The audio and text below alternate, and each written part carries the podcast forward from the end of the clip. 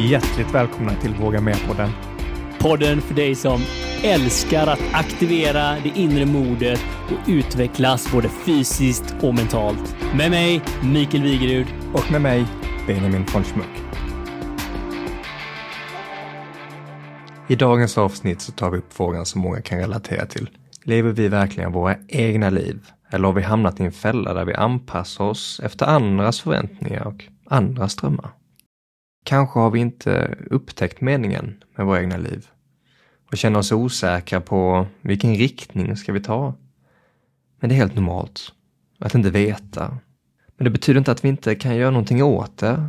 Vi tror att det här inre verkligen kan väckas till liv. Just tillsammans i podden med er lyssnare och med våra kära gäster så utforskar vi olika sätt att hitta just den här meningsfullheten och riktningen i våra liv genom att både lyssna till berättelser men finna inspiration från dessa modiga människor som har vågat ta ett stort kliv utanför just sin komfortzon för att kunna förverkliga sina drömmar. Det är ju deras erfarenheter och insikter som kan komma att hjälpa oss när vi står där vid tröskeln för att ta nästa steg.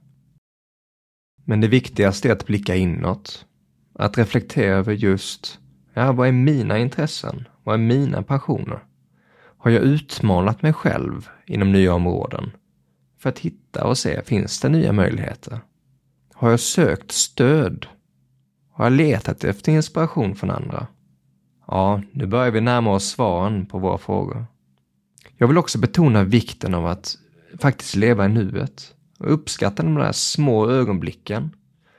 För vem vill leva ett liv där vi inte har levt. Så om du nu känner att du befinner dig i en sån här situation där att ah, jag vet inte vad meningen med mitt liv är. Jag var inte orolig. Det är en resa som många går igenom, inkluderat ja, både mig och Mikael. Och vi är ju här tillsammans för att stödja dig. För nu är det dags att sluta leva ett liv där man inte känner att eh, ja, jag har inte gjort det där som är menat för just mig. Det är dags att ta kontroll över sitt eget öde och bli den bästa versionen av just dig.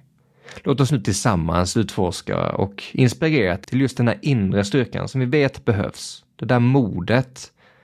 Så att vi kan ta och skapa det liv som vi verkligen längtar efter att leva.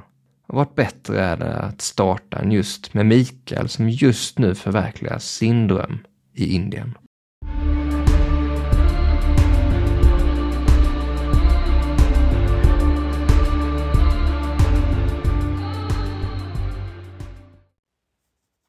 Ja, jag hör din röst Benjamin ända hit.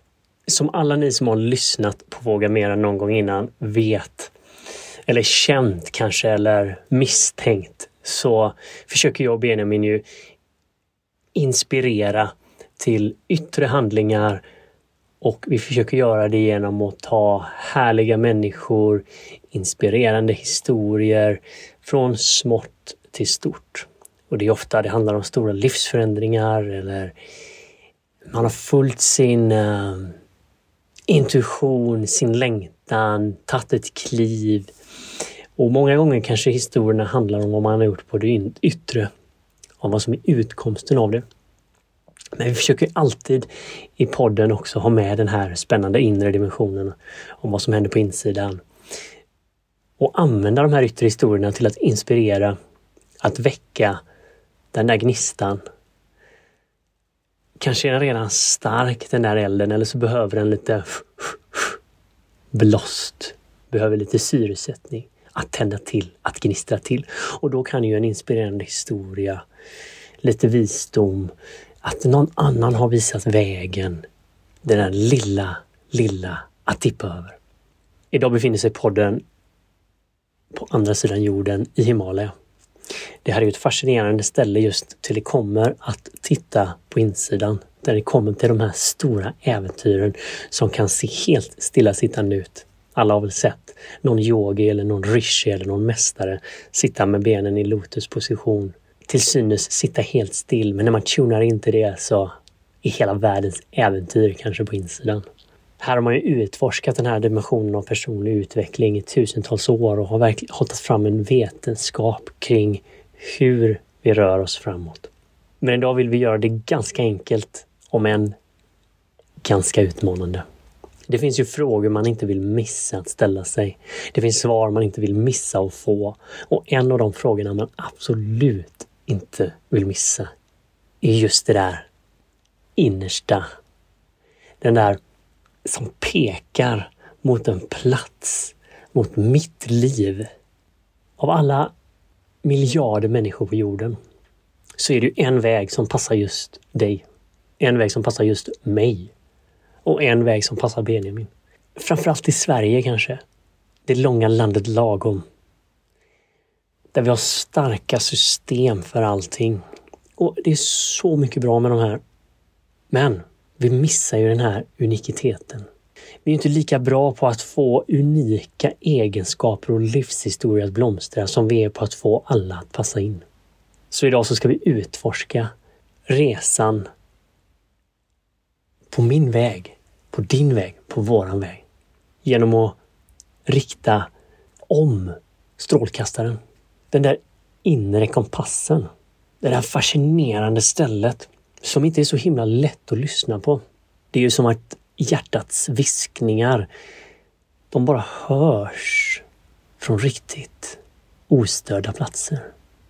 Men visst är det också så att de sipprar igenom även det tyngsta bruset om de får lite mer tid på sig. Det är väldigt svårt att ducka för sig själv. Och jag tror att alla vi som har gjort det vet konsekvenserna över tid.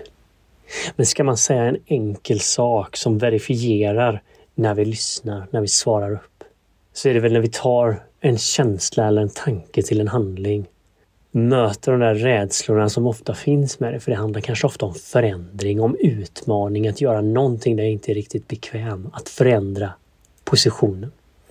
För visst är det så att bekvämligheten är en av de sakerna som kanske har tagit över mest de senaste decennierna.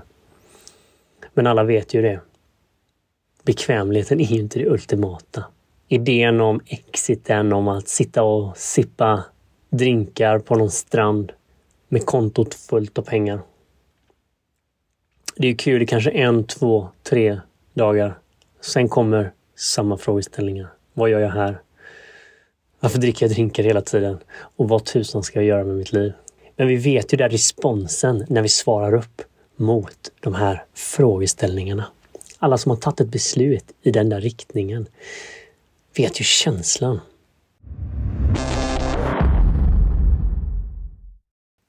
Jag pratade med en kvinna vid lunchen idag som för tre dagar sedan hade kommit till Indien. Hon berättade att det här med att åka till Indien hade varit en dröm för henne i de senaste två och ett halvt åren. Hon hade börjat att prata det ut för två år sedan. Och hennes mamma hade slått bakut. Vad ska du Indien göra? Kommer från en religiös bakgrund i USA. Där värsta idén var att eh, dottern skulle åka till Indien. Hon hade ett framgångsrikt företag. Hon hade en man och livet såg på ytan väldigt bra ut. Men som hon själv sa det, jag dog inombords. Det gick inte så snabbt. Men för varje halvår så var det som att gnistan, som att elden brann mindre. Men jag vill inte göra min mamma ledsen, arg och besviken. Hon som har gjort så mycket och kämpat så mycket för oss. Jag vill inte bara lämna henne i sticket. Så jag gav det tid och försökte möta henne och försökte involvera henne i den här drömmen som jag hade. Och så sa jag det för sex månader sedan. Mamma, nu ska jag åka till Indien, sa hon. Hennes mamma tittade henne i ögonen och så sa hon You have my blessings. Jag ska sälja de delarna av företaget som jag har och eh, så ska jag åka iväg. Och hon sa i samma sekund som hon yttrade de här orden så tog hon armarna på bröstet och så öppnade hon upp stort och så sa hon, så kände jag en sån mäktig känsla av frihet. Som att jag tog tillbaka bestämmande kraften över mitt liv. Alltså ganska självklar sak att man kan bestämma över sitt liv. Alltså vi kan ju varje dag göra vilka riktningsförändringar vi vill. Men det känns ju inte alltid så. Det är ju inte alltid så. Vi har ju saker vi vill ta hand om och stå upp för och vi har relationer och allting. Men ändå där på den subtilaste nivån så är ju det väldigt fritt. Och här aktiverades elden inom henne. Och man kunde se de här sprudlande ögonen när hon satt där på poolkanten i Indien på hennes första yoga teacher training. Jag är vid liv igen. Jag ska vara här tills jag känner mig redo att åka tillbaka. Hur länge vet jag inte. Men jag ska svara upp på den där inre längtan som jag burit på så länge. För det finns ju två kategorier som vi kan ta beslut ifrån. Att vi alla människor har de här viskningarna. Det råder inget tvivel om. För vissa är de starkare, för vissa är de svagare. För vissa är det smooth och för vissa så är det lite mer friktion. Men ofta så är det olika cykler i livet. Men det finns ju givetvis skiften som man kan göra. När man sitter här i visdomens berg i Himalaya så kommer man ofta till att kan du ta dina beslut från en plats? För det handlar ofta om att, inte om vad vi gör, utan vem vi är. Att vi vill alltid checka in i varandet före görandet. För alla handlingar kommer från personen. Så kan vi ta de här frågeställningarna. Om jag vågar möta, hur möter jag mitt liv? Hur vill jag leva mitt liv? Lever jag mitt liv eller lever jag någon annans? Och om jag ska ta beslut i den här riktningen, tar jag dem från rädsla? Rädsla, bara jag säger ordet, kan ni kanske känna i lurarna, i stereorna, i bilarna runt om i landet. Det är en åtstramande effekt. än... det är som att handen, du vet, man har sand i handen. Så klämmer man hårt med fingrarna så rinner sanden snabbt ut. Men är du mjuk i handen, skopar den lätt, så kan du hålla sanden länge. Rädslan har samma effekt. Vi kramar hårt om det.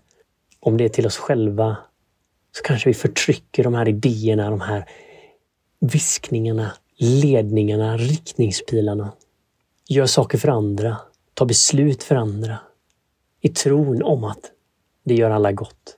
Men det finns ju få saker som gör så gott för andra som när någon människa är den de vill vara. Gör sin grej. Ibland är det ju väldigt lite som behövs göras. Man pratar ju ofta om de stora resorna över de sju haven eller de stora bestigningarna av bergen eller de stora starten av företagen eller de stora sluten på en arbetsgivare eller vad det nu vara. Men här är det också de här riktigt små grejerna. Det är det där samtalet man vill ringa. Den där personen man vill titta i ögonen. De där orden man vill säga. Den där resan man vill åka på. Alltså det är ju tillbaka till det här helt, helt individuella. Att ingenting är större eller mindre utan det är när du eller jag sitter med just det som är ömt, intimt, närmast vårt hjärta. Det är ju där rädslan kan ta över och vi kan säga jag kan inte, jag vågar inte.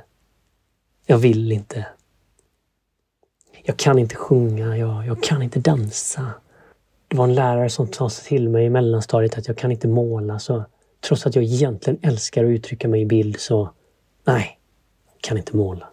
Den andra prioriteringen är att vi tar de här besluten utifrån kärlek. Som den öppna handen som håller sanden. Öppnar upp, ger utrymme, stöttar, pushar, hjälper till. Vi har ju den här möjligheten när vi sitter med någon annan mitt emot varandra. När en vän berättar om någonting de verkligen skulle vilja göra. När en nära familjemedlem berättar. Det är så lätt att vi spänner handen, håller in, känner kanske egoistiska tankar. kommer Åh, jag kommer inte träffa den här. Åh, det blir mycket risker. Men om vi verkligen tunar in, om vi öppnar handen, håller sanden där, låter kärleken expandera, känner hur det är fritt, villkorslöst, expansivt. För det är planeringens tidsålder, där vi helst ska staka ut hela livet innan det har börjat. Så har ju de här guidningarna, de här viskningarna, de har ju mycket svårare att planera. Det är inte alltid att de går i linje med det som våra tankar har tänkt ut, det som sinnet har planerat.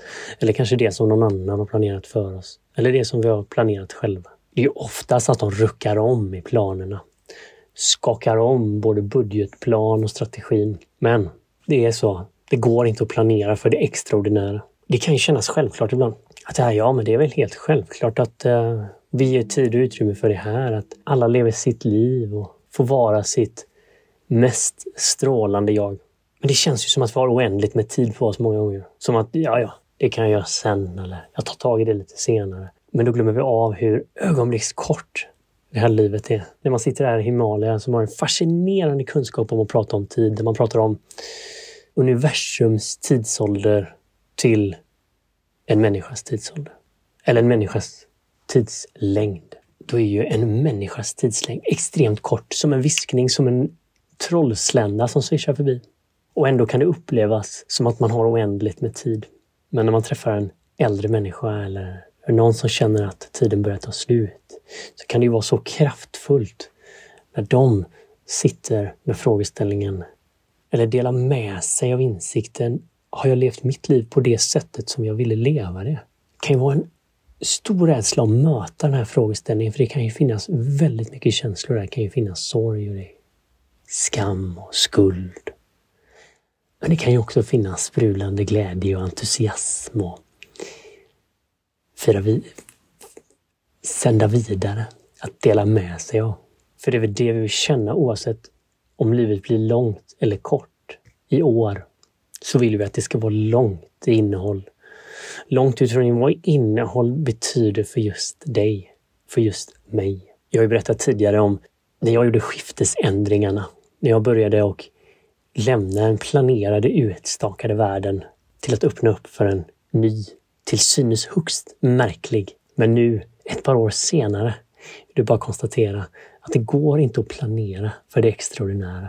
Jag hade aldrig någonsin kunnat tro att jag redan vid halvårsavstämningen här 2023 skulle varit ett par gånger i Indien, haft utbildningar här, stått på scenen och haft yogaklass för 200 personer, utforska vediska läror och träffa mästare från olika platser av världen.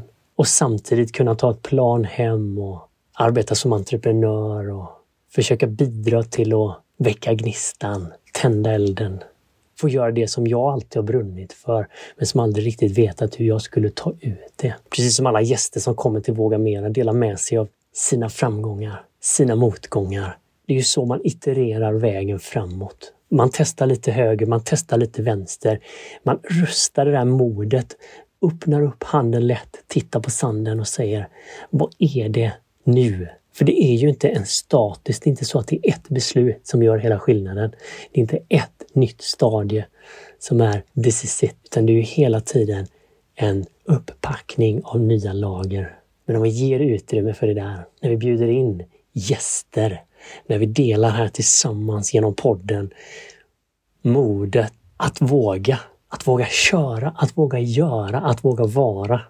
Det råder inget tvivel i att alla de gångerna som jag och Benjamin verkligen får sitta med någon där, när vi får sitta med varandra där, då verkligen sprudlar det på ett sätt som man vill att varje måndag på varje kontor så vill man se sådana ögon.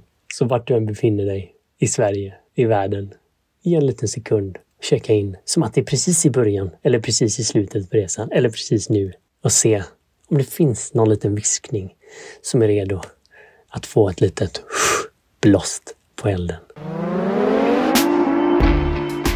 Stort tack till dig som lyssnar, som hjälper Våga Mer-podden att växa och nå ut via de sociala kanalerna. Vi har ingenting utan er lyssnare och både från mig och från Mikael så skickar vi ett stort Våga Mera så hörs vi igen i lurarna nästa avsnitt.